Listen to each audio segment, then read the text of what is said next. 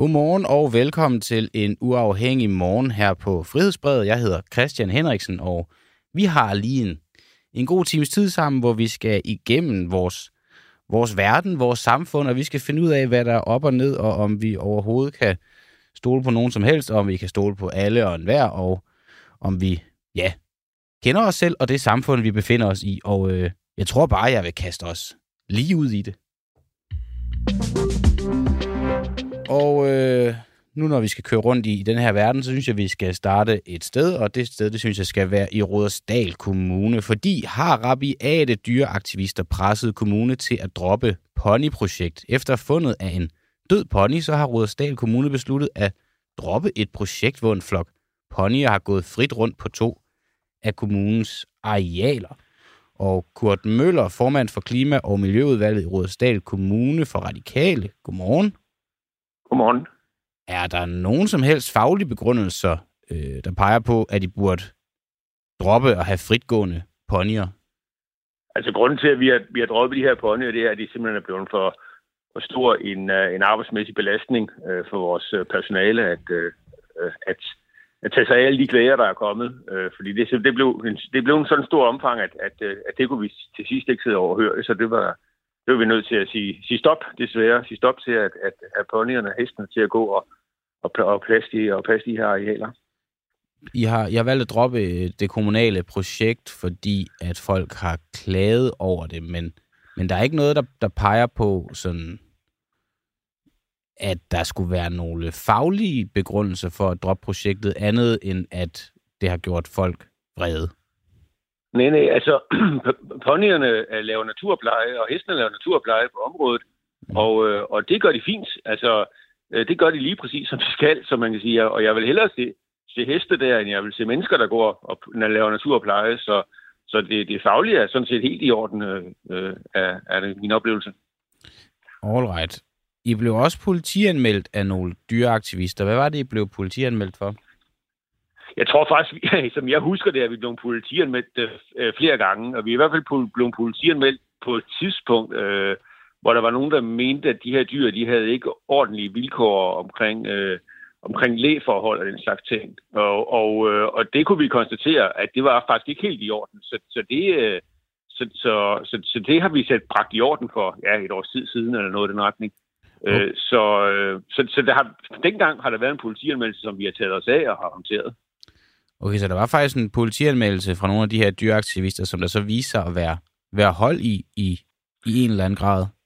Ja, i en eller anden grad, fordi at, at vi gik sådan set bare, vi gik i hvert fald politisk ind og sagde, at de her, de her dyr skal, have, skal selvfølgelig have ordentlige vilkår, når vi har til at gå ude i naturen øh, hele året rundt. Øh, og øh, og det, det, skal ikke, det skulle da ikke være til diskussion, så, så det sørgede vi for at blive bragt i orden. Det er godt to år siden, der blev øh, der florerede nogle billeder af en pony, der blev fundet øh, død, efter at være blevet fjernet fra sin flok i Maglemosen i Vedbæk. Og det har også skabt mange henvendelser og kritik på sociale medier. Det her billede og alle de her snakke, der har været om det, kan du, kan du ikke lige knytte par ord på det? Øh, jeg synes, du sagde to år siden. Du mener to uger siden? Ja, to også. uger. Jeg ved ikke, om jeg fik sagt to ja. år. Det var i hvert fald en fejl. Nej. Ja, Ja, men, men, øh, men det, det er rigtigt. Det gjorde, at den her, den her øh, åndsynligt, det er den hest, jeg kan, jeg, kan ikke, øh, selv, jeg kan ikke selv verificere det, men, men det er, hvad der bliver sagt, og det går ud for rigtigt, at det er den hest, der er gået i Magnemosen, som, øh, som øh, var, var blevet halvt og som havde det dårligt. Den var jo blevet tilset af, af, af dyrlægen og, og blev så øh, af, af, hvad hedder det, øh, heste, øh, dem, der passer hesten, dem, der ejer hesten, der blev den flyttet væk derfra. Mm. Øh, og, og så er det så konstateret død efterfølgende. Og man kan sige, den episode der gav, gav, har jo givet så mange øh, dønninger og, og, og, og så meget ekstra arbejde for vores øh, kommunale personale, at øh, det var faktisk at det var det, der ligesom fik øh, bæret til at flyde over. Det var simpelthen dråben, der fik bæret til at flyde over. Vi var nødt til at trække os ud, i, ud af det. Det er den der, det, det, det der, det sker, kan man sige. Er, er, det, ja. er det jeres skyld i kommunen, at den pony døde led den en overlast? Har I ikke varetaget den ordentligt, eller hvad er grunden til, at, øh, at den dør? Nej, altså vi har ikke, vi har ikke noget, vi har sådan set ikke noget ansvar for, for, for hestene og hvordan de bliver passet, for det er jo, det er jo øh, den hesteejer, øh, altså den private hesteejer, som, som har den, mm. øh, som, som, som sørger for det. Men vi har, vi har overhovedet ikke nogen for, grund til at formode, at de sådan set er blevet passet dårligt. Så, så det, har jeg, det, kan jeg, det kan jeg ikke, det, det, det, det har jeg ikke noget, nogen indsigt i eller nogen formodning om. Okay, så de klager, der har været, dem har der enten ikke været hold i, og de få, der så har været hold i, de er blevet rettet op på, og dermed har projektet stemt overens med gældende lov og regler, og, og ellers, hvad der ellers er af, af, af retningslinjer og forudsætninger for at have fritgående ponyer gående. Det, det, det, jeg gerne vil frem til i, i det her interview, øh, Kurt Møller, det er, som du også selv siger, det er, den, den, det er klagerne, det er modstanden, det er det ekstra arbejde, det har givet de kommunale ansatte at, at skulle varetage alle de her klager, der gør, at de har valgt at droppe det her kommunale projekt, som jeg tænker, jeg tænker ikke, I søsætter nogle kommunale projekter, mindre i en eller anden grad synes, at de er vigtige. Kan du, kan, du, kan du se et problem i, at I er nødt til at droppe et kommunalt projekt, fordi nogle aktivister ikke synes godt om det? Ja, jeg kan godt se, jeg kan udmærke se et dilemma i det. Altså, det har også været, det har været noget, vi har overvejet øh, længe, fordi at, at de her, så der har været, der har jo været klager i, forskellige, på forskellige tidspunkter. Altså, det er jo ikke den eneste situation, vi har haft. Der har været andre klager også undervejs. Og vores, vores personale har brugt meget tid på at tage ud og tilse dyrene. Øh, fordi selvom det ikke er vores heste, så går det alligevel på kommunale jorder, kommunale arealer, så vi kan jo ikke bare se helt bort fra, at der kommer nogle klager. Så vi har været nødt til at sende folk derud og få dem tilset og sørge for, at der bliver tilkaldt dyrlæge osv. Så, videre. så der er blevet brugt rigtig meget tid på det. Øhm, og jeg kan da udmærket se, at, at det forhold, at, at, øh, at der egentlig ikke har været... Altså, vi har i hvert fald ikke grund til at tro, at der egentlig har været ulovligheder øh, de pågældende steder. Mm. Øhm, at, at vi så alligevel har trukket hestene tilbage. Men det har vi simpelthen fordi, at, at jeg, vi kunne simpelthen ikke politisk blive ved med at se på, at, at det her det er noget, der er blevet brugt så meget tid på. Okay. Øh, så er vi i hvert fald nødt til at trække, øh, trække stikket for en tid for, øh, med hensyn til at bruge heste som til naturpleje. Bare lige sidste spørgsmål her. Hvor mange sindssyge kommentarer skal der til, før I dropper andre kommunale projekter? Øh, vi håndterer de, de sager og de spørgsmål, der kommer, og så, så, så forholder vi os til det. det hvis I får lige så mange klager, som I har fået på denne her, hvis det kommer til at kræve lige så mange personaleomkostninger at skulle varetage alle de klager på, på et andet indsatsområde fra kommunen, for eksempel et nyt initiativ i forhold til kørsel i hjemmeplejen eller sådan noget, hvis det afføder lige så mange reaktioner, vil I så også være villige til, selvom I synes, at I har jeres på det rene, og, og droppe det, simpelthen bare fordi, at omkostningen ved at skulle håndtere alle de her klager er for stor? Nej, altså det er forhold, der forholder jeg mig til den konkrete sag. Det er jo helt umuligt at svare på, hvordan, hvordan vi forholder os til, øh, til borgerhenvendelser. Altså dem, dem har jeg, jeg er jo politiker, så dem har jeg jo selvfølgelig hele tiden mm. i forskellige sager. Men det er vel en del af arbejdet, borgerhenvendelser, og folk er utilfredse og sådan noget, men det er vel ikke ens betydende med, at, at hvis I synes, I gør jeres rigtigt, at I så skal, skal droppe. Der er jo også mange andre, altså nogle gange dem, der råber højst, det er også dem, der er imod. Øh, I har vel ikke fået ja, flere klager, jeg... end I har fået, øh, end der er beboere i kommunen? Altså, jeg, undskyld, men jeg, men jeg har... mere end halvdelen af beboerne i kommunen har vel ikke klaget over det her projekt? Nej, nej, nej, og, og, og jeg er også ærgerlig over, ærgerlig over, at vi er nødt til at trække os ud af projektet, fordi jeg synes faktisk, det er et godt projekt. Så det har, det har været en svær beslutning, og noget, som, som ikke bare lige er kommet sådan fra en ene dag til den anden. Mm. Det er noget, vi har, vi har gået og, og overvejet i tid, og hvad jeg egentlig har sagt til, til, til forvaltningen, Ej, lad os lige vente og se, øh, fordi at, mm. at, øh, at vi vil heller ikke, altså vi vil heller ikke lade os drive rundt i manesien af, af nogen, der, der klager over nogle heste, så længe de har det godt. Men nu kom der bare, nu kom den her episode her bare, og vi, jo, vi kunne bare ikke blive ved med at se på, at der blev brugt så meget tid på de heste, så desværre var vi nødt til at trække os ud af det. Ja, så endte de så med i sidste ende, måtte jeg, at måtte lade jer drive lidt rundt som, som en, en pony i managen øh, for, på grund af de her klager. Øh, Kurt Møller, formand for Klima- og Miljøudvalget i Rådesdal Kommune for Radikale. Tak fordi du var med her til morgen, og så må du have en god dag. I lige måde, tak. Og godmorgen til jer, der lytter med derude. Jeg kan se, der allerede er folk, der skriver godmorgen, og det er jeg glad for. Så kan jeg også se Mette Heil, hun skriver, nu stopper du, Christian. Det er jo så skrevet med CH, jeg staves med K. Det skal sådan set ikke skille os ad. De dyr er ikke blevet behandlet ordentligt, og det skal jeg ikke kunne sige, om er tilfældet eller ej. Det her interview handlede om, at hvis Rådesdal Kommune, de synes, de har deres på det rene, og øh, overholder lov og regler og så videre, så virker det vanvittigt, at de dropper et projekt, bare fordi, at be- en enkelte beboere, altså han siger jo også selv, det er jo ikke, fordi at over 50 procent af beboerne i kommunen har været imod det her projekt. Jeg synes jeg bare, det er vildt, at at man vælger at droppe projektet på grund af klager for pokker. Altså, øh, noget vi også skal snakke om senere i dag, det er corona og pandemien. Der var der også helt vildt mange klager over restriktioner. Folk var rasende, folk var gale, folk gik på gaden. Betyder det, at hvis regeringen synes, at det er det rigtige at indføre restriktioner, de så skal lade være med det, så længe at der ikke er en markant folkelig opbakning til at droppe restriktionerne? Det, det, det tænker jeg ikke. Det skal jeg sådan set ikke kunne sige. Altså, jeg kan i hvert fald bare sige, at nu stiller vi spørgsmålstegn ved det, og så må øh, folk jo svare, som de vil. Hvorvidt dyrene har haft det godt eller skidt, det skal jeg ikke kunne sige.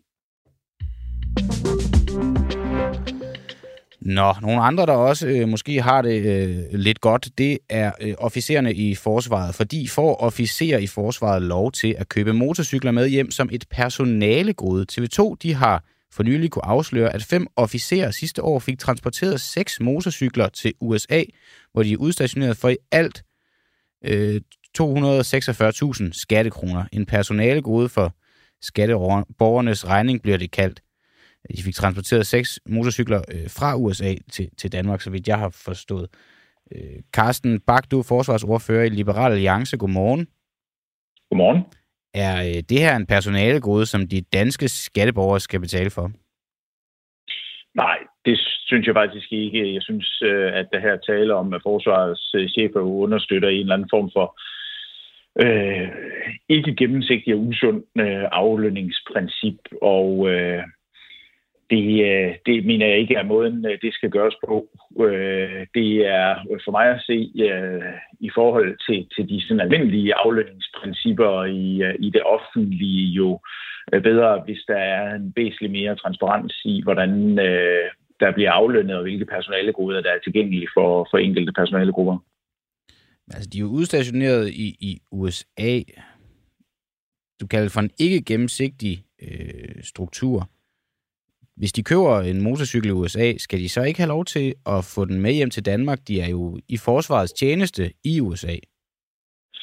Jamen, det, der jo øh, er lidt særligt i den her sammenhæng, det er, at den her ordning decideret er nævnt i de øh, udstationeringsprincipper, der eksisterer. Og hvorfor, hvorfor står der lige præcis motorcykel? Det er jo fordi, at det er noget, der på en eller anden måde er blevet kutume igennem øh, tiderne, at øh, man, når man er udstationeret i USA, så køber man en motorcykel, mens man er derovre, og så øh, er det jo fantastisk, for den betaler forsvaret og skatteborgerne for at få transporteret hjem. Øh, det, der skal jo selvfølgelig være øh, ordentlige vilkår for de øh, udsendte soldater, vi har, hvad enten det er i USA eller andre steder af verdens øh, brandpunkter. Men øh, så synes jeg, at øh, vi i stedet for skulle give øh, en bonus eller noget tilsvarende for de soldater, der løser nogle opgaver i udlandet, udstationeret væk hjemmefra, måske væk fra deres øh, familier, i stedet for at man på den her måde øh, øh, understøtter, som jeg, som jeg igen siger, et eller andet uigennemsigtigt øh, aflønningsprincip. Øh, fordi hvorfor står der lige præcis motorcykel i de her udstationeringsprincipper? Hvorfor står der ikke, at man kan få købe en hest i USA og få den transporteret hjem? Hvorfor står der ikke, at man kan købe en bil? Fordi det kan man faktisk ikke, og få den transporteret hjem. Men lige præcis en motorcykel kan man godt. Kan det ikke være fordi, at det har været mere gængs for officerer at købe motorcykler end at købe heste? Altså, jeg, mit hoved, når jeg sådan tænker over det, så det, det, det, det virker jo, også mere jo, sandsynligt, at man, når man i USA får lyst til at købe en motorcykel, man får lyst jo, til at købe en hest. Være. Men, men, øh, men det ændrer jo ikke på, at der så, kan man sige, øh, personaleledelsesmæssigt øh, jo så bliver understøttet en specifik kultur. Det mener jeg ikke er forsvarets øh, opgave på den måde at understøtte øh, med udstationeringsprincipper en specifik kultur om, at man skal øh, mm. øh, køre på motorcykel, når man er udstationeret i USA. Øh, generelt øh, set, så, øh, så virker det til, at den her ordning, øh, den er kommet lidt ind af bagvejen, og derfor er jeg også meget glad for, at forsvarsministeren jo nu har lovet øh, i forligskredsen, at han vil øh, gennemgå de her principper og se på, om ikke der er noget, der skal ændres. Der er jo andre ting, der har været fremme, også omkring boligordning og så videre, som, øh, som er lukrativ i forhold til at være udstationeret i USA, øh, mm. hvor vi jo herhjemme for mange år siden jo sådan set egentlig afskaffede øh, attraktive, beliggende og lukrative øh, embedsboliger for forsvarschefer. Skal de slet ikke have lov til at tage ting med hjem, som de har købt i det land, de er udstationeret i? Og jo, øh, der er ikke nogen tvivl om, at øh, selvfølgelig skal de her mennesker... Men de skal bare selv betale for det. Så. Frem og tilbage. Øh, men men der, der må være øh, et mere, kan man sige, overordnet ensartet princip øh, i forhold til øh, de flytteomkostninger, der er øh, relevante for, øh, for sådan en flytning. Øh, og, og der skal ikke i den type af udstationeringsprincipper og personalehåndbog øh, og hvad det ellers hedder i, øh, i forsvarsregi, der skal jo selvfølgelig ikke specifikt være øh, benævnt, at man må købe, og i det her tilfælde, der er det jo faktisk øh, sådan, at der står i, i øh, udstationeringsprincipperne, at familiemedlemmer over 18 år i husstanden også kan købe en motorcykel og få transporteret hjem øh, på forsvarets øh, regning, altså transporten på forsvarets regning. Og igen, så giver det ikke nogen mening, at man på den måde udspecificerer, at lige præcis motorcykler kan transporteres gratis hjem af forsvaret, men ikke biler eller heste, eller det kunne være så meget andet. Så det er egentlig der, øh, problemet så, ligger for dig, det er, at man har udtalt i håndbogen, at man kan købe motorcykler. Så vil det så sige, at man kan løse problemet ved at fjerne den del af håndbogen, så der ikke længere står motorcykler, men bare står, at du kan købe genstande og tage med hjem på forsvarsregning? Nej, det kan jo løses øh, ved, som jeg siger, at vi har et mere generelt princip øh, for øh, udgifter til øh, transport og flytteomkostninger i forbindelse med udstationeringer. Og der kan man jo meget passende, og det tænker jeg er det der almindelige praksis andre steder i det offentlige, at man har et eller andet loft for, hvor store flytteomkostninger kan læses over på forsvaret i den her sammenhæng. Men jeg forstår ikke, Carsten, må de, altså, må de ifølge dig tage motorcykler med hjem på forsvarets regning? Ja eller nej? Altså hvis det ligger inden for en, en rimelig og fastsat øvre grænse for, hvad, er den? hvad der er flytteomkostninger, ja, det kan, det kan jeg ikke svare på. Det er jo beløb, som, øh, som skal stå i forhold til, hvad er det for en familiesituation, man er i, osv. Så, så, så det, det er jo øh, svært at sætte et beløb på. Jeg ved ikke, hvad det koster at flytte til USA. Men det, det der jo er, øh, kan man sige, det overordnede her, det er, at der bør være nogle generelle principper men, for sådan noget her. Hvis vi, deler det her op i, hvis vi deler det her op i 6, de her 246.000 for de seks motorcykler er blevet transporteret, så er det 41.000 for at få fløjet, altså per motorcykel for at få den fløjet fra USA til, til Danmark. Er det for højt?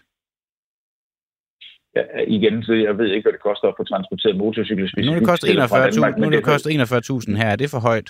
Ja. På skatteborgernes regning? Jamen igen, jeg ved ikke, hvad det koster at transportere noget over. Men du siger, det er for højt, men du vil ikke sige, om tallet er for højt. Det kan jeg det slet ikke forholde mig til. Ja, det er jo ikke relevant i den her sammenhæng. Det er ikke relevant, hvad det har kostet? Om det specifikt for den enkelte forsendelse er for højt eller ikke for højt. Du kan det, sige, at de 246.000 skattekroner samlet, det er for højt, siger du?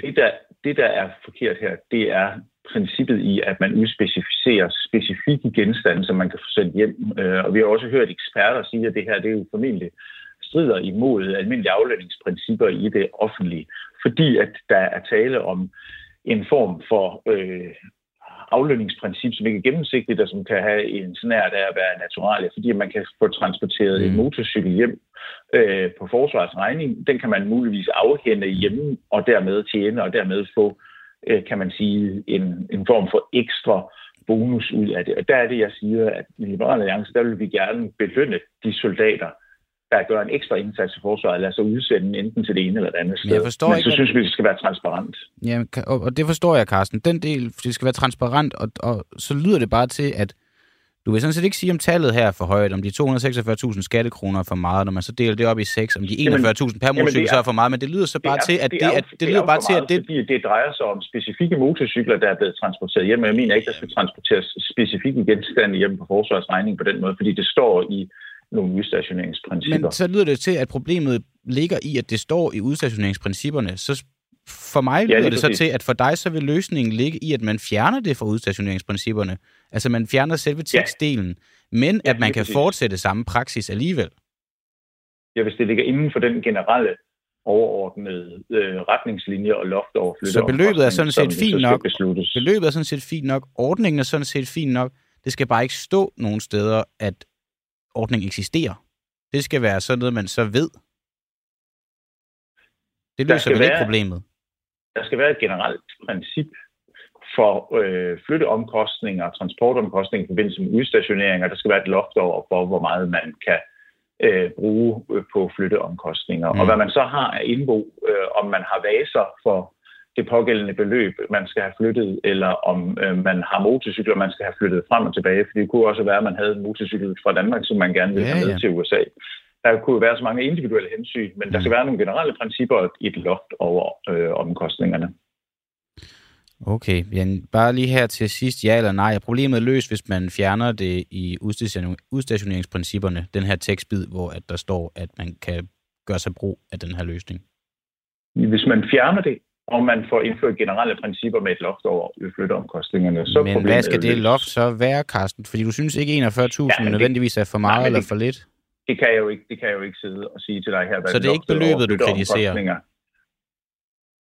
Du kritiserer ikke beløbet. Beløbet er sådan set, som du lige ser det nu, måske OK. Jamen, jeg, det er, det er okay. princippet i det. Det er princippet i det. Princippet er forkert, ja. Men beløbet er OK. At der er blevet brugt 246.000 skattekroner på det, det er sådan set ikke problemet. princippet er jo forkert, og dermed er beløbet jo også forkert. Okay. Carsten Bak, forsvarsordfører Liberal Alliance. Tak fordi, at du er med her til morgen, og så må du have en god dag. Tak lige måde. Bare lige inden vi hopper videre her, så kan jeg se, at det her det er noget, der jeg vil egentlig gerne have noget at have haft det med, men, men ja, tiden er jo bare, hvad tiden er. Jeg kan se, det afføder mange reaktioner i kommentarfeltet. Øh, Forsvar Victoria Søndergaard skriver, og forsvaret har i mange år haft rod i regnskaberne, og nu skal de fodres med, fodres med millioner. Det lyder som en rigtig dårlig idé. Jakob Møller spørger, om motorcyklen fløj på første klasse. Jeg vil virkelig undre mig, hvis de sad op blandt de andre passagerer de der motorcykler. Jeg tænker, de har været i noget bagagebånd. Øh, øh, og så øh, skriver Jakob Møller også, som jo også har været spekulation blandt mange, at de regner vel med at sælge cyklerne i Danmark og score en ekstra gevinst. Ja, det er måske det, der har været fidusen i, det skal jeg ikke kunne sige. Ja, nå. Så skal vi tale igen om øh, de her øh, kommunaldirektører, som vi også talte om i går, fordi skal, skal Folketinget gribe ind i kommunaldirektørernes lønninger. Dansk Folkepartis Morten Messerschmidt ønsker et loft for gyldne håndtryk efter en række fyre kommunaldirektører den sidste tid har fået millioner med i hånden som en del af deres fratrædelse. Det talte jeg med ham om i går kort efter udsendelsen, og det lød sådan her. Jeg synes, at, at lønningerne forekommer ikke. Det lød sådan her. Først var det jo Fredericia, hvor der blev udbetalt 3,5 millioner til en tidligere kommunaldirektør, og så selvfølgelig den, der har været mest omtalt, nemlig fra Halsnæs, hvor en kommunaldirektør ovenpå et eller andet, som vi ikke rigtig kender detaljerne af ved KL-topmødet i Aalborg, har fået 1,5, og så er der åbenbart også en sag fra øh, Lolland, hvor en kommunaldirektør har fået 1,5. Så det er synligheden praksis, der er, der er relativt veletableret over hele landet. Det, du retter din kritik imod, det er, at øh, du jo ikke ligefrem synes, at de her øh, fratrædelsesgodtgørelser, de her gyldne håndtryk, de er for lave. Dem synes du er for høje. Er det ikke rigtigt?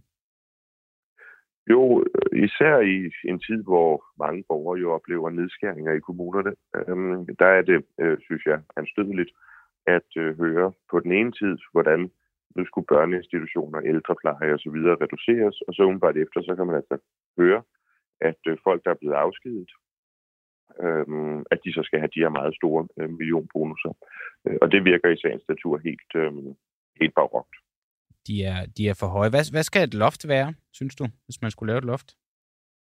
Altså for det første synes jeg, man skal lave et loft, der hedder et års løn gradueret, sådan at man optjener retten øhm, med et års arbejde, giver en måneds eventuelt øh, udbetalt. Øhm, men, men spørgsmålet er jo også, hvornår skal man udbetale den? Fordi som jeg forstår de her sager, så er det jo nogen, hvor folk er blevet afskedet, altså hvor man ønsker at, at afvikle øh, engagementet. Øh, der, der synes jeg, det er en helt forkert situation at bruge den slags ordninger. Altså, det skal jo være noget, hvor man gerne vil sige farvel til folk på, en, øh, på, en, på et grundlag af, at de har gjort en ekstraordinær indsats, som, mm. øh, som man ikke havde regnet med. Og at bruge de her ordninger, når man i virkeligheden afskediger folk, fordi de ikke har levet op til forventningerne, det synes jeg sådan set understreger pointen for, at øh, der må gribes ind. Altså, der er jo mange, der bruger det her argument. Jeg har blandt andet talt med øh, Tommy Nielsen, han er byrådsmedlem for Konservativ Fredericia. De, de bruger det her argument, at, at det er jo ligesom en måde at lokke folk til at overhovedet give at tage jobbet i første omgang. At man ligesom giver den de her gyldne håndtryk. Køber du det argument? Nej, det er sådan et djøf argument, som er opfundet. Øhm, altså, øh, det, det gør jeg ikke. Lønnen er høj i forvejen, og øhm, at der så er nogen, der ikke måtte søge den for at eventuelt på et tidspunkt ikke kunne få den her øh, aftrædelsesgodtgørelse. Det kan da godt være, at der er en enkelt, men jeg vil sige, det der jo alt overvejende er det, man kigger på som jurist, når man søger sådan en stilling, det er selvfølgelig, hvad det er, årslønnen er, og hvad arbejdsbetingelserne er. Mm. Man sidder ikke og kigger på, om man måske på et eller andet tidspunkt måtte komme ud i en afskedelsessag, og hvad så det gyldne håndtryk, som man der måtte få, hvad det kan blive. Ja, så nu vil Morten Messerschmidt, formand for Dansk Folkeparti, øh, ønske at rejse et forslag om et loft øh, på øh, øh, loft over gyldne håndtryk. Og jeg synes bare lige, også måske for at gøre lidt af arbejdet øh, for ham og for vores kære politikere, at vi vil høre et par af de andre folketingspartier, om det er noget, de kan gå med på, om vi kan i sidste ende få et, et flertal for det. Og Jette Gottlieb, du er kommunalordfører for Enhedslisten. Godmorgen. Ja, godmorgen. Er øh, KL forvattet, når der skal forhandles løn og godtgørelser? Ja, og ja, altså i, i første omgang, så synes jeg jo selve det overhovedet at få aftrædelsesgodtgørelse er noget højst besynderligt noget af to grunde. Altså den, den ene er, at alle andre mennesker får altså penge på at arbejde, ikke for at holde op med at arbejde. Men den anden grund er jo også, at det er jo et brud på den tankegang, der ligger i den danske model, der hedder, at vi har et fleksibelt og sikkert system, som består i, at man er lettere at fyre, og så er man til gengæld også sikret et øh, livsgrundlag med sine dagpenge og sådan nogle ting. Så det, det er helt igennem en absurd konstruktion, der bare er vokset frem i al stillhed. Kommunernes Landsforening, altså KL, varetager de øh, kommunernes og skatteborgernes interesser, eller varetager de de ansatte og dermed kommunaldirektørernes interesser? Øh, de varetager kommunernes interesser og dermed borgerne, men er det også de tilfældet, er, når, når man laver de her store fratrædelsesgodtgørelser? Er nej, det for det borgernes er, det interesse? Er, nej, det er en fuldstændig åndssvag ordning, og den er, altså, den er uetisk i enhver måde. Så det skal de holde op med. Altså, øh, prøv lige at sige til andre, jamen, øh, hvis du holder op med at arbejde, så får du en stor aftrædelse. Altså, jeg, jeg kender ikke så mange steder, det foregår, men det foregår i den øvre administration, både i staten og kommunerne, og det er helt, helt hen i vejret. Det er helt hen i vejret. Øh, nu kommer Morten Messerschmidt til at øh, rejse forslag om et loft for gyldne håndtryk. Jeg sidder bare lige med en liste over nogle af jer folketingspolitikere her ved siden af mig. Og øh, bare lige for at få et, et overblik, øh, kommer du til at øh, være enig og stemme for et loft over gyldne håndtryk, når øh, det potentielt set øh, kommer på tale? Jamen, det kommer an på, hvordan det udformes, fordi øh, der er jo også et spørgsmål om, at, det, at det, er, det er kommunerne, der forhandler de her overenskomster, og det er en overenskomst, og det er noget, man ikke øh, generelt blander sig i. Men man kan godt lave nogle principper, altså jeg går ind for objektive kriterier, og jeg synes jo generelt, at cheflønningerne er gået helt ovenud af, af flasken. Ikke? Altså man burde jo have nogle principper om, at, at de højst kunne få så og så meget øh, i procent af, af det deres ansatte får, eller et eller andet. Det mm. tror jeg jo, at de er i færd med at indføre i Københavns Kommune. Så kommunerne har nogle muligheder for selv at gribe ind i det. Jeg ved heller ikke, hvor mange djøffere, der kan forsvare altså over for deres øh, ansatte, hvordan det er. Men de fleste ved det jo ikke. Vi regnede os i går frem til, at den fyrede kommunaldirektør fra Fredericia hun hed Camilla Novak, hun udover en øh, fratrædelsesgodtgørelse på den, de her 3,5 millioner, tjente næsten 200.000 kroner om, om måneden. Og øh, du kan lige prøve at høre, hvad Morten Messersmith han sagde til det. Jeg synes, at, at lønningerne forekommer ekstremt høje øh, i den her del af den offentlige sektor.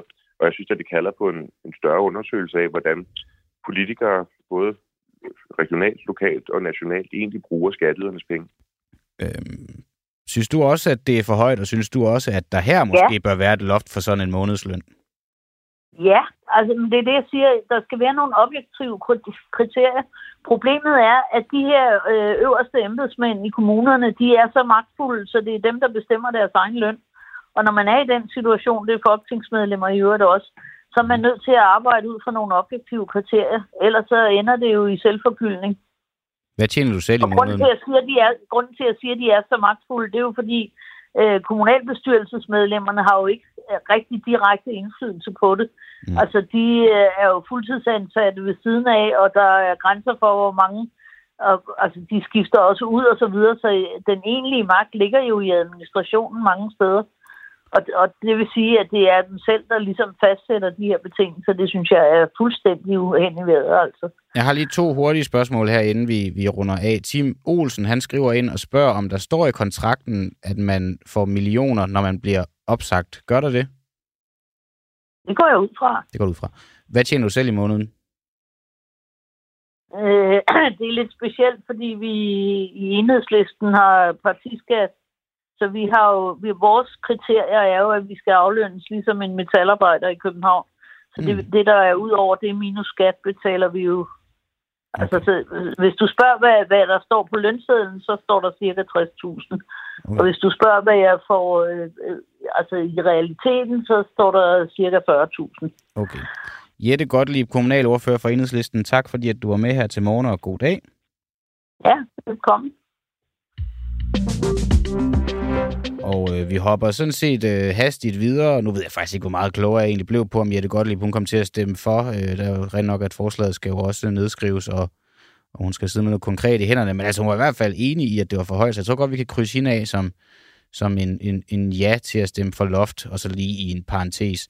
Nu skal vi øh, ringe til Dennis Flytkær, der er kommunalordfører hos øh, Danmarksdemokraterne, og høre ham ad, hvorvidt at han også synes, at der skal ligge et loft på, på øh, fratrædelsesgodtgørelse, og måske også lønninger til øh, kommunaldirektører. Øh, Som jeg lige fik sagt før, så hende er Camilla Novak Kirkedal, som var en af dem fra Fredericia Kommune, der lige er blevet opsagt, hun fik knap 3,5 millioner kroner i fratrædelsesgodtgørelse, mens Michael Målø, som også var Fredericia Kommune, de har lige fyret to på en gang, han fik øh, 1,5 millioner kroner i fratrædelsesgodtgørelse, og det fik han altså øh, det fik han altså øh, efter han kun havde været ansat en, en måned, og så havde kommunen ikke mere, ikke mere fidus øh, til det.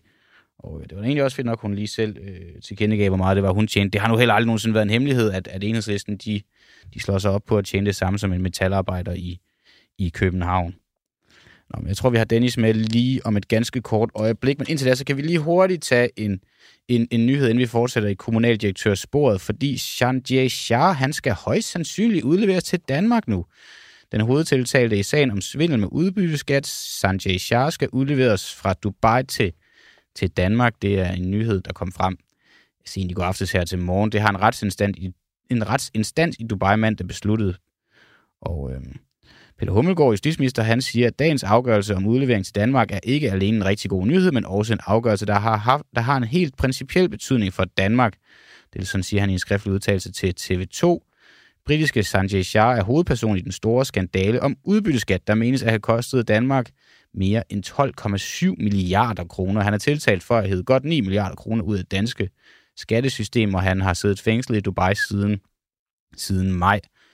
Så siger Peter Hummelgaard dog også, at jeg er dog også blevet oplyst om, at afgørelsen skal forelægges justitsministeren i de forenede arabiske emirater med henblik på endelig beslutning om udlevering, siger han til TV2. Og det er derfor, at vi kalder den her nyhed for, at han højst sandsynligt skal udleveres til Danmark, fordi at man har hørt lidt snak om før, at nu er det vist ved at være, nu kommer han måske snart til Danmark og bliver snart udleveret, så sker det faktisk heller ikke alligevel. Ja, nå, men øh, som øh, vi lige øh, snakkede om, så er det de her kommunaldirektører, og øh, spørgsmålet er, om Folketinget skal gribe ind i kommunaldirektørernes lønninger. Jeg gentager bare lige igen for jer, der lige er hoppet på, at Dansk Folkepartis øh, formand Morten Messerschmidt, han ønsker et loft for gyldne håndtryk efter en række fyrede kommunaldirektører den sidste tid har fået millioner med i hånden som en del af deres fratrædelse. Dennis Flytkær, du er kommunalordfører for Danmarksdemokraterne. Godmorgen Godmorgen stiller dig de samme spørgsmål, som jeg lige har stillet Jette Gottlieb. Er kommunernes landsforening forvattet, når de skal forhandle løn og godtgørelse? Man kan i hvert fald øh, nemt konkludere, at de har i hvert fald øh, lavet nogle aftaler, der er alt for rundhåndet, så giver for mange penge i fratrædelsesopgørelse til de her kommunale lektører. Altså, jeg synes jo, det lyder helt vildt, hvis man for eksempel på Lolland har været ansat i, i 10 måneder, og så får man 1,3 millioner kroner med som øh, godtgørelse, fordi man stopper igen. Altså, det er, det er for voldsomt. Så derfor synes jeg jo, det er helt oplagt, at øh, KL eller byrådene selv, de tager ansvar og prøver at få lavet de her kontrakter om, fordi det er trods alt skatteborgernes penge, man sidder med, og de penge kunne være gået til, til alt muligt andet. Så jeg synes, det er oplagt, at man får lavet det om. Men jeg har det også sådan, at, jeg, at fordi man kan se et problem for Christiansborg, så er det ikke altid os, der er de bedste til at løse det. Og det synes jeg ikke, det er i det her tilfælde. Det er simpelthen en, en kommunal opgave, Øh, typisk gennem deres øh, forening, som hedder Kommunernes Landsforening, at det er dem, der skal lave det her om, og ikke Folketinget, der skal lave det om. Øh, Michael Sigler, som er tidligere løn- og personaleudvalgsformand i KL, som jo altså er dem, der skal forhandle på vegne af skatteborgerne selv, Øh, vi har ikke kunne få, nu nævner bare det ham, for vi har ikke kunne få hverken øh, kommunernes landsforening i tale eller Djøf i tale. De er ikke vendt tilbage på vores henvendelser. Men han sagde til gengæld i 2017, ja, det er et gammelt citat, vi er nødt til at hive frem, fordi at han ikke vil stille op til interview. Der siger han, vi er interesseret i at have dygtige direktører, fordi det betyder noget for, hvordan kommunen er drevet. Effektivt drevne kommuner forudsætter dygtige direktører, og de koster selvfølgelig nogle penge, men det er, men det, er det værd at give dem de penge. Øh, i sådan en situation her, varetager kommunernes landsforening så kommunernes og skatteborgernes interesser, eller varetager de kommunaldirektørernes interesser, når vi snakker om de her godtgørelser? Det er et sjovt citat. Jeg tror ikke, du finder nogen i Danmark, der vil gå, gå ud og sige det modsatte, at vi skal have dårlige kommunaldirektører, og vi skal ikke have de bedste til det.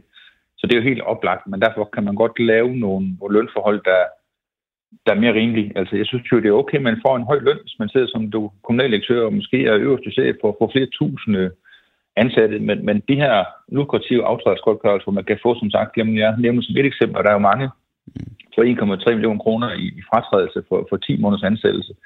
Det tror jeg, der er åbenlyst for de fleste, at det er simpelthen øh, for lukrativt. Så man får en høj løn for en høj stilling, det, det er sådan set fair nok, men man bør sikkert have sådan nogle øh, lukrative fratrædelsesgodtgørelser. Det synes jeg jo, man som kommunalbestyrelse, som det, det er dem, der ansætter de her folk, at de, øh, de bør tage med i overvejelsen, når de forhandler løn, og så lade være med at lave de her lukrative aftaler. Det synes jeg, der er helt oplagt. Men, men noget andet er jo så, som der er foreslået blandt andet af, af Dansk Folkeparti, om det er, om det er Folketing, der skal, der skal ind og regulere i det. Det synes jeg ikke, det er, fordi det her det er jo også en del af den, af den danske model, altså hvor det er arbejdsgiveren, der forhandler løn med arbejdstagerne. Det skal vi jo helst holde os fra som, øh, som folketing. Det tror jeg generelt der mm. plejer i hvert fald at være. Det er det så noget anderledes i. Nu kan jeg høre både fra Enhedslisten og Dansk Folkeparti. Yeah. Det skal vi simpelthen lade være med at blande os i. Det er ikke, det er ikke vores opgave at styre det. Selvom jeg også sidder og bliver farvet over de her høje fratragsgodtgørelse, så er det ikke nødvendigvis mig, der er den bedste til at regulere det. Nej, fordi det var så det, jeg ville øh, spørge dig om, fordi som du også lige selv fornævnt her, jeres, øh, altså i Danmarksdemokraternes øh, bedste ven og værste fjende, Morten Messerschmidt, han ønsker jo et loft over de her gyldne håndtryk. Når det her forslag, det kommer på tale, kommer du så, jeg sidder med en liste med nogle af jer her, folketingspolitikere, som jeg lige gerne vil krydse af. Kommer du til at stemme for eller imod, når at det her loft kommer på tale? Ja, vi synes jo oplagt, det ikke er en god idé, at det er Folketinget, der regulerer det. Så det kommer vi jo til at stemme imod. Altså det, det er altså kommunalpolitikerne, der har ansvaret for at ansætte de kommunale chefer, og det er også dem, man så også skal, skal ringe til, hvis man er sur over det. Og i sidste ende, hvis man bliver ved med at lave det her, man er utilfreds med det, så må man jo vælge nogle, øh, nogle andre til, til kommunalbestyrelsen. Men man har jo altså, gjort det her i lang, lang tid. Det er jo for pokker ikke en ny ordning. Det er jo, som jeg også øh, har sagt, i, som jeg sagde i går, det er hver gang, at der er en kommunaldirektør, der bliver fyret eller opsagt, så taler vi om de her fratrædelsesgodtgørelser, fordi de bare er tårnhøje. Vi har ligesom fået bevist gang på gang på gang nu, at trods kritikken, så bliver det ikke lavet om. Det er 3,5 millioner for, øh, altså det er samlet set 5 millioner i Fredericia Kommune, der lige er blevet spyttet ud af statskassen til de her to kommunaldirektører, der er blevet opsagt de her penge, dem tænker jeg, at du er enig med mig i, de kunne være blevet brugt bedre steder ude i kommunerne, for eksempel på noget velfærd. Men du vil alligevel ikke gå ind og regulere som den magthaver, du nu engang er, og sørge for, at de her penge kommer skatteborgerne til gode i stedet for. Det vil du ikke. Nej, og jeg ved godt, det ikke er det populære budskab, jeg, jeg kommer med, fordi det nemmeste er jo at sige til de danskere, der har stemt på mig i Danmarksdemokrater, at nu skal jeg se, vi skal nok klavere, vi skal nok bare øh, detaljregulere kommunerne, men, men det er jo del af det, der er gået galt ud i kommunerne, at hver gang man ser et problem fra Christiansborgs side af, så tror vi, at vi er de bedste til at regulere det. Der er masser af eksempler på, hvor vi godt kan se problemstillingen, men det er jo kommunerne, der har selvstyre. Det er dem, der ansætter de kommunale chefer, og derfor også deres ansvar at lave nogle lønforhold, som er rimelige i forhold til de, de borgere, der bor i, i kommunen. Så jeg tror simpelthen, at vi som, som Christiansborg-politikere nogle gange også lige skal træde et skridt tilbage og sige, det er fint, vi tager debatten, men det er ikke altid os, der skal detaljregulere Ja, altså, jeg er fuldstændig enig i, at det her det er på lukrative ansættelsesvilkår, man, man laver for de kommunale direktører, men bare hold fast i, altså det er ikke, det er ikke altid en god idé, at fordi man kan se et problem, så skal man uh, regulere det. Altså, Nej. Vi havde for nylig hvor jeg tror, de fleste danskere var sure over, at EU ville blande sig i vores barselsforhold, hvor, hvor folk måske godt kan se, at der er problemer med, at der er for få mænd, der tager barsel. Men betyder det, fordi man kan se fra EU, at man skal bestemme der? Nej, det skal man jo ikke. Mm. Skal man så bestemme det i Folketinget, fordi vi kan se et problem? Nej, ikke nødvendigvis. Problemet kan jo godt være, være reelt nok, men, men jeg tror også bare, det er jo et grundlæggende problem, at hver gang vi på Christiansborg ser et problem, så tror vi, at vi er de bedste til at vise handlekraft, og nu skal vi godt nok lige baske til den her bold, hvor jeg vil bare færdigt vil sige den her gang, at jeg er fuldstændig enig i problemstillingen, men det er altså de kommunale politikere, der, der ansætter de her folk, og dem, der laver lønrammerne. nogle gange i gang sammen med, med KL, som forhandler overenskomsten, øh, sammen med Jeff, som I har prøvet at få fat i, i begge dele, for også få dem til at stå frem og stå på mål for det. Okay. Og der er jeg så siger, jeg, bare, jeg er jo enig i budskabet med de andre partier, men jeg synes altså ikke, det er Folketinget, der skal sidde og detaljregulere, hvordan man aflønner deres medarbejdere. Det er jo et ansvar, de her, når de ansætter. Og derfor også dem, der skal lave det om. Og, og er man sur over det, så skal man jo vælge nogle, nogle andre til byrådene, som så vil varetage folks interesser på det her område. Alright. Dennis Flytkær, kommunalordfører for Danmarksdemokraterne. Tak fordi du var med her til morgen, så må du have en øh, god dag og god påske. God påske, ja. Nå, nu skal vi så øh, tale om noget, jeg ved, der berører øh, mange af jer øh, lyttere her på en uafhængig morgen, og det er corona. Øh, fordi at øh, nu er der kommet nye tal ud. De nye coronatal. Tal, som vi har fulgt de sidste mange år, men de her tal, de siger altså noget, og de siger, at 450 danskere under 70 år er døde af corona. Er det en succes, eller er det en fiasko? Det er en opgørelse fra Statens Serum Institut, har øh, lavet for Ekstrabladet, øhm, og den viser altså det her. Ifølge Ekstrabladet er 450 personer under 70 år døde af corona siden epidemiens start og frem til nu på alle tre år. Viser det så, at vores strategi var effektiv og redde mange menneskeliv, eller viser det, at vi overreagerede med nedlukninger og meget mere, da pandemien ramte? Jeg har set i den offentlige debat dem, der mener, at det var at det beviset på en overreaktion, og jeg har set dem, der beviser, at det er beviset på, at restriktionerne virkede, og det hele bare spillede. Noget, vi har haft meget under corona, det er holdninger til, til tal, til matematik, og øh, jeg synes, vi skal lade det være op til dem, der ved noget om det, og det gør du, Viggo Andreasen. Du er lektor ved Institut for Naturvidenskab og Miljø, og så forsker du i matematisk epidemiologi. Godmorgen. Ja, godmorgen. De her tal, altså 550 danskere under 70 år, der er døde af corona, øhm, kan vi bruge det tal til noget som helst? Øh, ja, det kan vi sagtens. Øhm, jeg vil lige sige, at, at der er tre forskellige tal, man kan, man kan kigge på, når man ser på, hvor mange der er døde af corona. Og det her er det, der altid falder ud som det laveste. Men, men det, der måske øh, er værd at huske, det er, at i løbet af den første del af pandemien, øh, indtil januar 2022, det var den del, hvor vi faktisk prøvede at holde epidemien i ro. Der falder cirka halvdelen af, de, af, af det sociale antal dødsfald. Så der er faktisk en del, der er døde af corona her i løbet af de sidste halvandet år. Øhm, og der ved vi, at hvis vi ikke havde stoppet epidemien, så ville den have været cirka syv gange så stor som det, vi, vi så i den periode. Og det ved vi, fordi der var cirka 10 procent, der havde haft corona i løbet af øh, perioden frem til øh, i løbet af de første cirka halvandet år af epidemien. Mm. Det ved vi fra bloddonorstudier af, af, af om, om folk har haft corona. Mm. Og vi ved jo også, at, at hvis vi ikke havde prøvet at stoppe epidemien, så var den, havde den nok set ud ligesom omikron-epidemien i foråret 2022, og den ramte 70 procent af befolkningen. Så, så den første periode, der skulle vi altså gange dødstallene med, med cirka syv, hvis, hvis øh, vi ikke havde gjort noget ved pandemien. Så, så de her tal fortæller os, at jo, vi skulle faktisk lukke ned. Så det, de, de også fortæller os... Jeg bare lige, jo, lige hurtigt gøre ophold, og bare lige stille et ja. spørgsmål i forhold til det. Viser det så, at... Altså viser de her tal, at vores nedlukning og vores strategi var en succes, eller viser det, at det var en fiasko? Bare lige ud fra de ord, du kom med der at hvis, hvis vi skal gøre det så kort, så, så viser det helt bestemt, at det var en succes. Super, okay. Det, det man øh, måske kan spørge om, det er, var det en succes på den måde, at, øh, øh, at, at det var gode liv, vi reddede? Altså, det vil man lidt antyde, hvis man siger, at, at der var relativt få af de her personer, der var under 70. Mm. Så var det i virkeligheden øh, en stor indsats for at prøve at redde nogle liv, som kun var nogle få uger fra måske afsluttes alligevel. Hvis du kan følge mig. Ja, men det er vel også mange penge, der er blevet brugt på det så? Ja, men, men der kan man sige, at det er altså ikke tilfældet. Nå, okay. Øh, der, der var en, selvfølgelig en del af, af de personer, der døde øh, af, af corona i, i de første halvandet år, som var øh, alvorligt syge og, og meget tæt på, øh, at livet ville afsluttes alligevel. Men en stor del af dem var faktisk, at det godt var, at de var ældre, men det var folk i, i rimelig godt helbred. Det, Øh, det kan man se lidt på en undersøgelse, som lige er kommet fra. ja, for USA det vil jeg spurgt om, hvad du baserede det på, ja. Ja, der, der er et par ting. Det ene det er, der er lige kommet en undersøgelse, øh, hvor vores egen Lone Simonsen har været med, af, af dødelighed i USA. Og der kan man se, at, at de, de fleste ældre har jo en eller anden form for underliggende sygdom. Mm. At de underliggende sygdomme, hvor man havde forhøjet risiko for at dø, det var faktisk sådan noget som hjertekarsygdomme. Øh, men ikke, øh, hvis man havde alvorlig cancer. Og så kan man sige, hvorfor i alverden er det tilfældet? Jo, det er fordi, hvis du havde alvorlig cancer, så er du under omstændighed død. Så, så det vil ikke dukke op som ekstra dødelighed på grund af, af corona. Mm. Men hjertekarsygdomme er sådan nogle, man typisk har i lang tid. Og de er Øh, og, døde og når man så dør, så får på og- grund af og- sygdommen.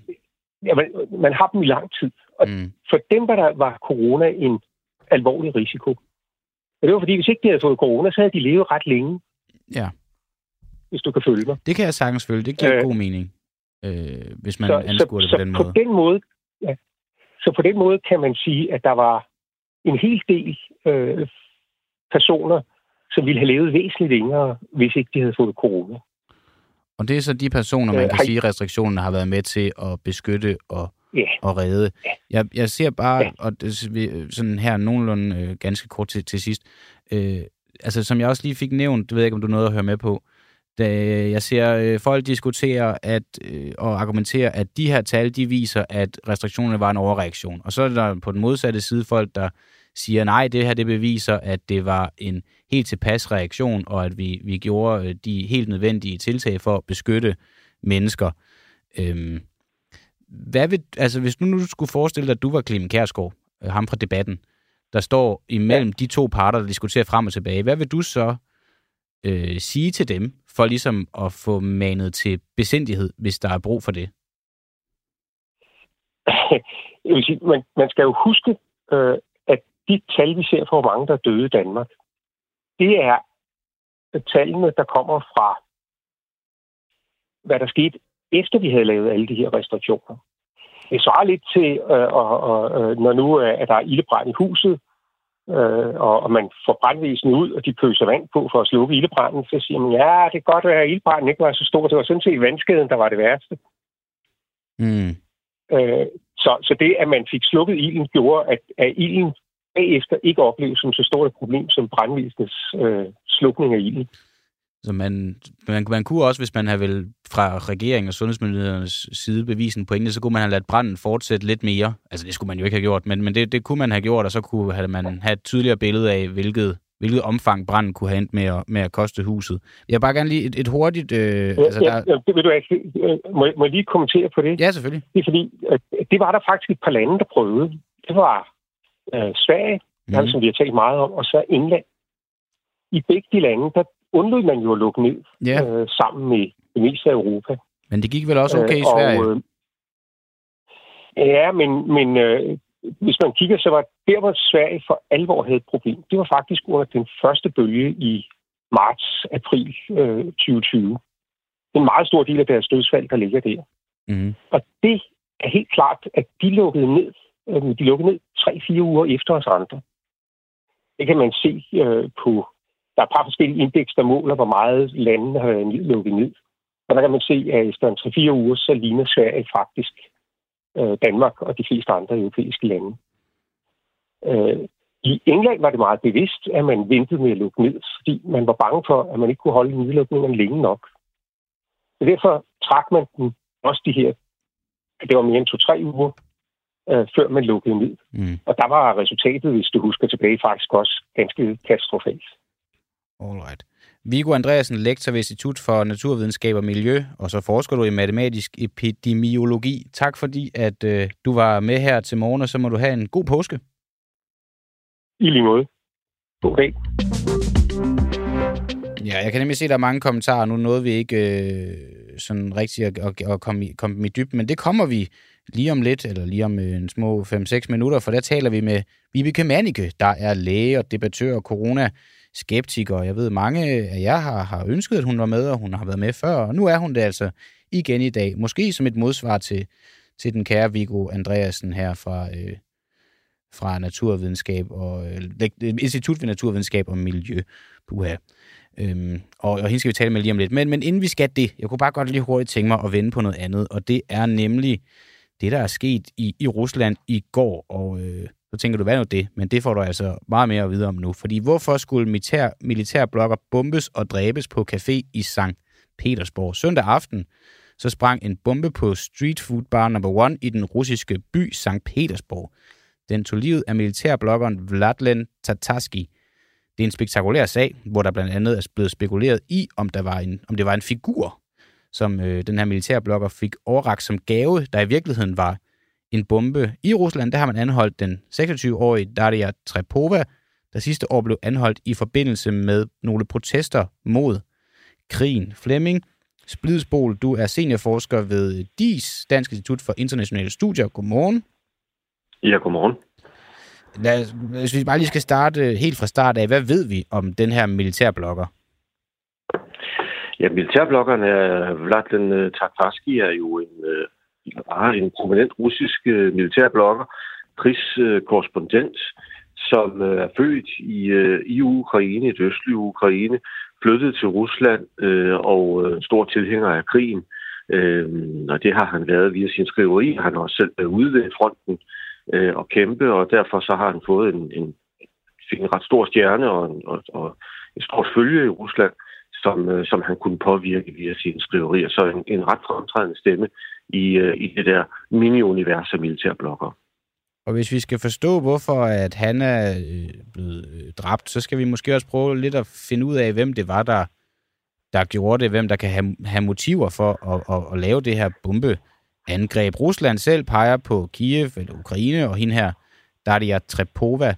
Hvem sådan i, med din ekspertise og, og vidensgrundlag, tænker du kan være den sandsynlige øh, bombemand blandt bag det her angreb? Det er jo svært at sige, men selvfølgelig er det oplagt at kigge i, i den retning og forfølge det spor, øh, måske ud af flere, men det er oplagt at, at forfølge det spor. De russiske myndigheder kan jeg se nu i medierne derovre, føler sig jo sikre på, at de har fat i den rigtige. De siger, at hun har ligesom infiltreret det her krigsmiljø. Det har hun gjort bevidst. Hun har gjort det gennem flere måneder. Øh, hun har opsøgt det her miljø for at komme tæt på øh, Vladimir Tatarski åbenbart. Øh, er gået til en masse møder, har været til en masse sådan, øh, diskussioner om krigen, har givet udtryk for sin støtte til krigen, og på den måde er hun kommet tættere og tættere på, og til sidst har hun så kunnet gennemføre det her attentat. Og de russiske myndigheder mener, at hun faktisk er tilhænger af Alexej Navalny, altså den russiske oppositionspolitiker, som sidder fængslet nu på tredje år.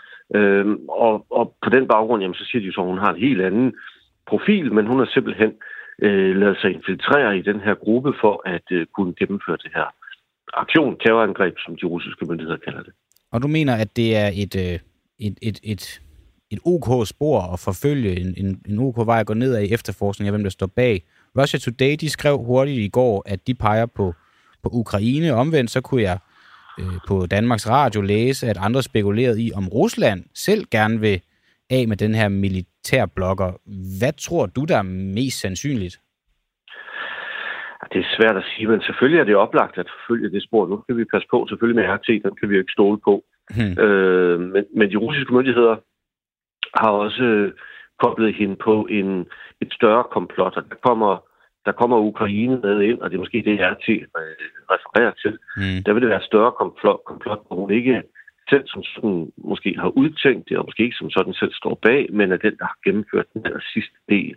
Og de russiske medier har skrevet om, at øh, at øh, de ukrainske efterretningstjenester står bag, øh, og at de så har gjort det sammen med folk, som, øh, som støtter Alexei Navalny. Og det kunne så være måske også flere fra den gruppe, der har været med til det. Så, så på den måde øh, tegner de russiske myndigheder og medier en, en lidt større sag, hvor der også er udenlandsk indblanding, men hvor den anholdte kvinde er den, som så at sige, så til allersidst de har leveret bomben.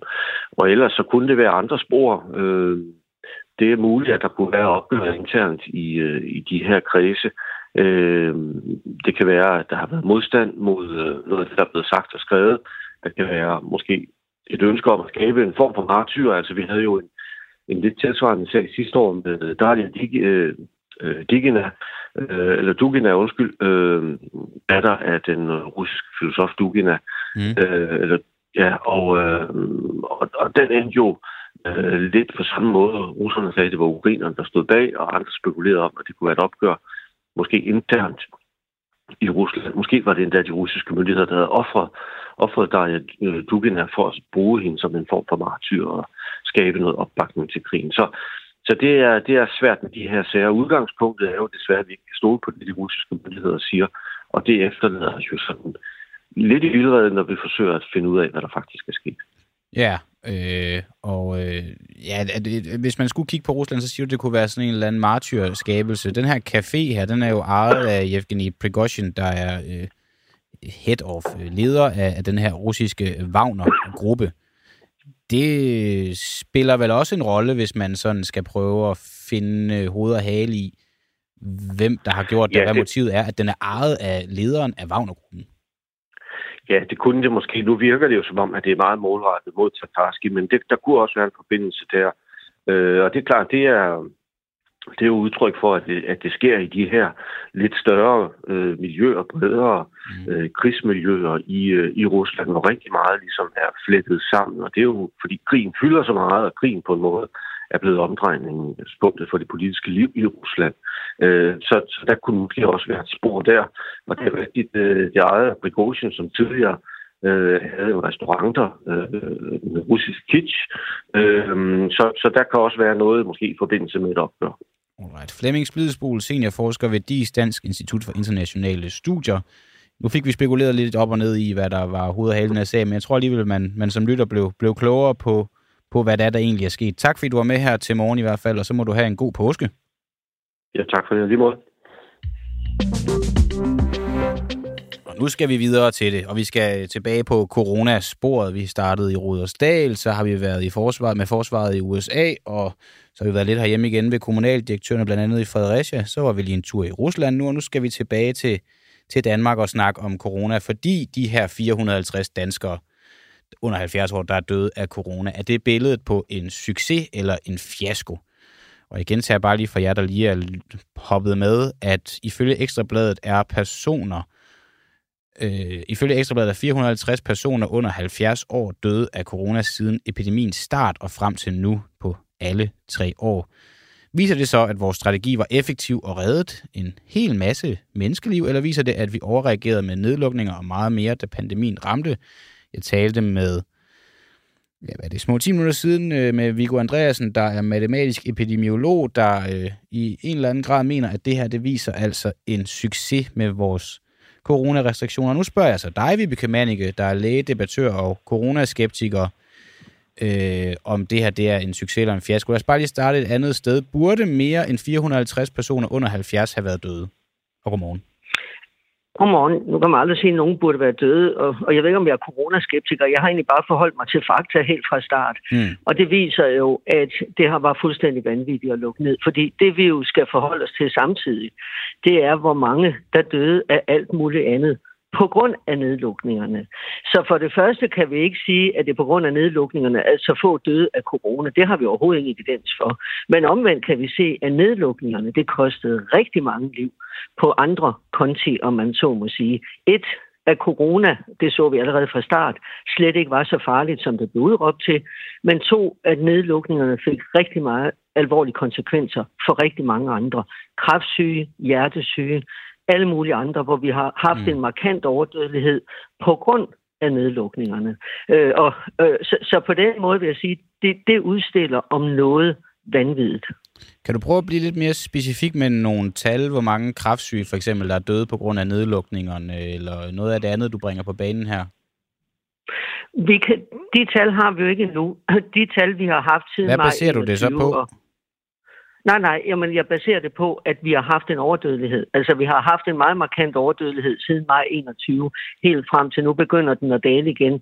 Øh, for eksempel december 22 var meget voldsom. Så vi har haft en, en meget markant overdødelighed. Og, og det, som der ligger i det, øh, som vi kan sige, vi har ikke de eksakte tal endnu i forhold til kræft og hjertesygdom. Det er jo rigtig mange faktorer, som gør, at vi har haft en overdødelighed. I forhold til, du havde forsinket diagnostik, det har vi øh, fået tal på. Du havde øh, folk, der brændte deres øh, blodprop i hjertet ud derhjemme. Det har vi øh, store studier, der viser, hvordan du fik en øget øh, beskadelse af hjertemusklen osv., og dermed tidligere død. Så vi har en masse studier, der viser konsekvenserne af nedlukningerne. Men hvis du siger et eksakt tal på kræftsyge, det, de tal har vi ikke fået nu, for de er ganske enkelt ikke offentliggjort. Men vi kan se, at overdødeligheden har været markant som følge af rigtig mange faktorer. Men og når der er, vel, er, der, er der dokumentation for, at overdødeligheden skyldes helt specifikt coronanedlukningerne? Findes den dokumentation, og kan du fremlægge den for mig nu? Ja, ja, det gør den jo, i og med, at vi har, øh, vi har øh, en hel del studier, der viser, i hvilken grad nedlukningerne forsinket diagnostik og dermed... Hvad er det for øh, nogle studier, Vibeke? Kan du, kan du nævne nogle af dem? Ja, blandt andet det studie, jeg lige nævnte der, øh, for dig, hvor, hvor man undersøgte dem, som fik øh, blodprop øh, i hjertet under øh, nedlukningerne, og dermed ikke kom i behandling og ikke kom tidsnok øh, og fik åbnet karne igen og så videre. Og der har man vist, at de havde en, en 25 øh, procent øget hjertemuskeldød i forhold til, hvad du ellers vil have. Så, så vi har masser af studier, ikke danske studier, det er udenlandske studier, øh, som, mm. som netop har vist konsekvenserne. Det, det samme i forhold til psykisk sygdom, isolation, social isolation, ensomhed, druk osv.